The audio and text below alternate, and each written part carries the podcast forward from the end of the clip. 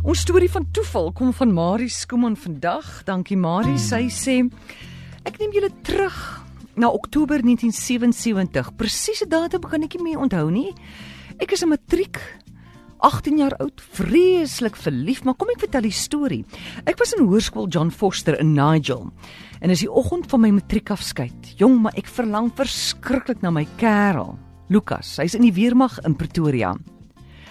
Hy's daar besig met 'n uh, basiese opleiding wat beteken dat hy vir 3 maande nie mag huis toe kom nie. Ons is 'n skoolkeis en hy was die vorige jare matriek.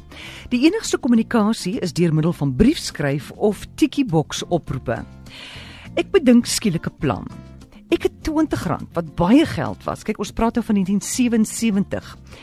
En ek besluit ek gaan bel na die tikkieboks toe, nê, daar waar hy is in Pretoria. Die boks waarvan hy my gewoonlik bel. En dan sal ek aan die troep sê wat die wat die telefoon optel.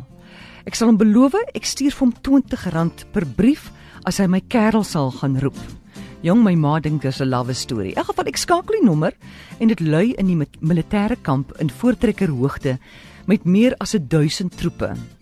En ek glo een sal antwoord want teen die tyd of daai tyd wat ek toe nou bel, stap die mande manne al aan na die eetsaal.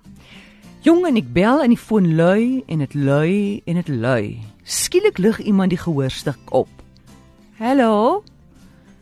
En 'n nog 'n hallo hier van die ander kant. Hallo? Wie praat nou? Kyk man, ek moet mos nou weet wie kry daai R20. "Hi, dis ek," sê hy. "Sal jy glo my kerel Lukas?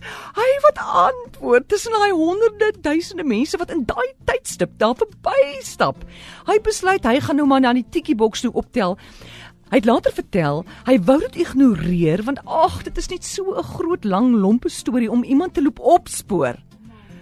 Ja. Toevallig? Ek weet darm nie. Sy sê ons is vandag 36 jaar getroud.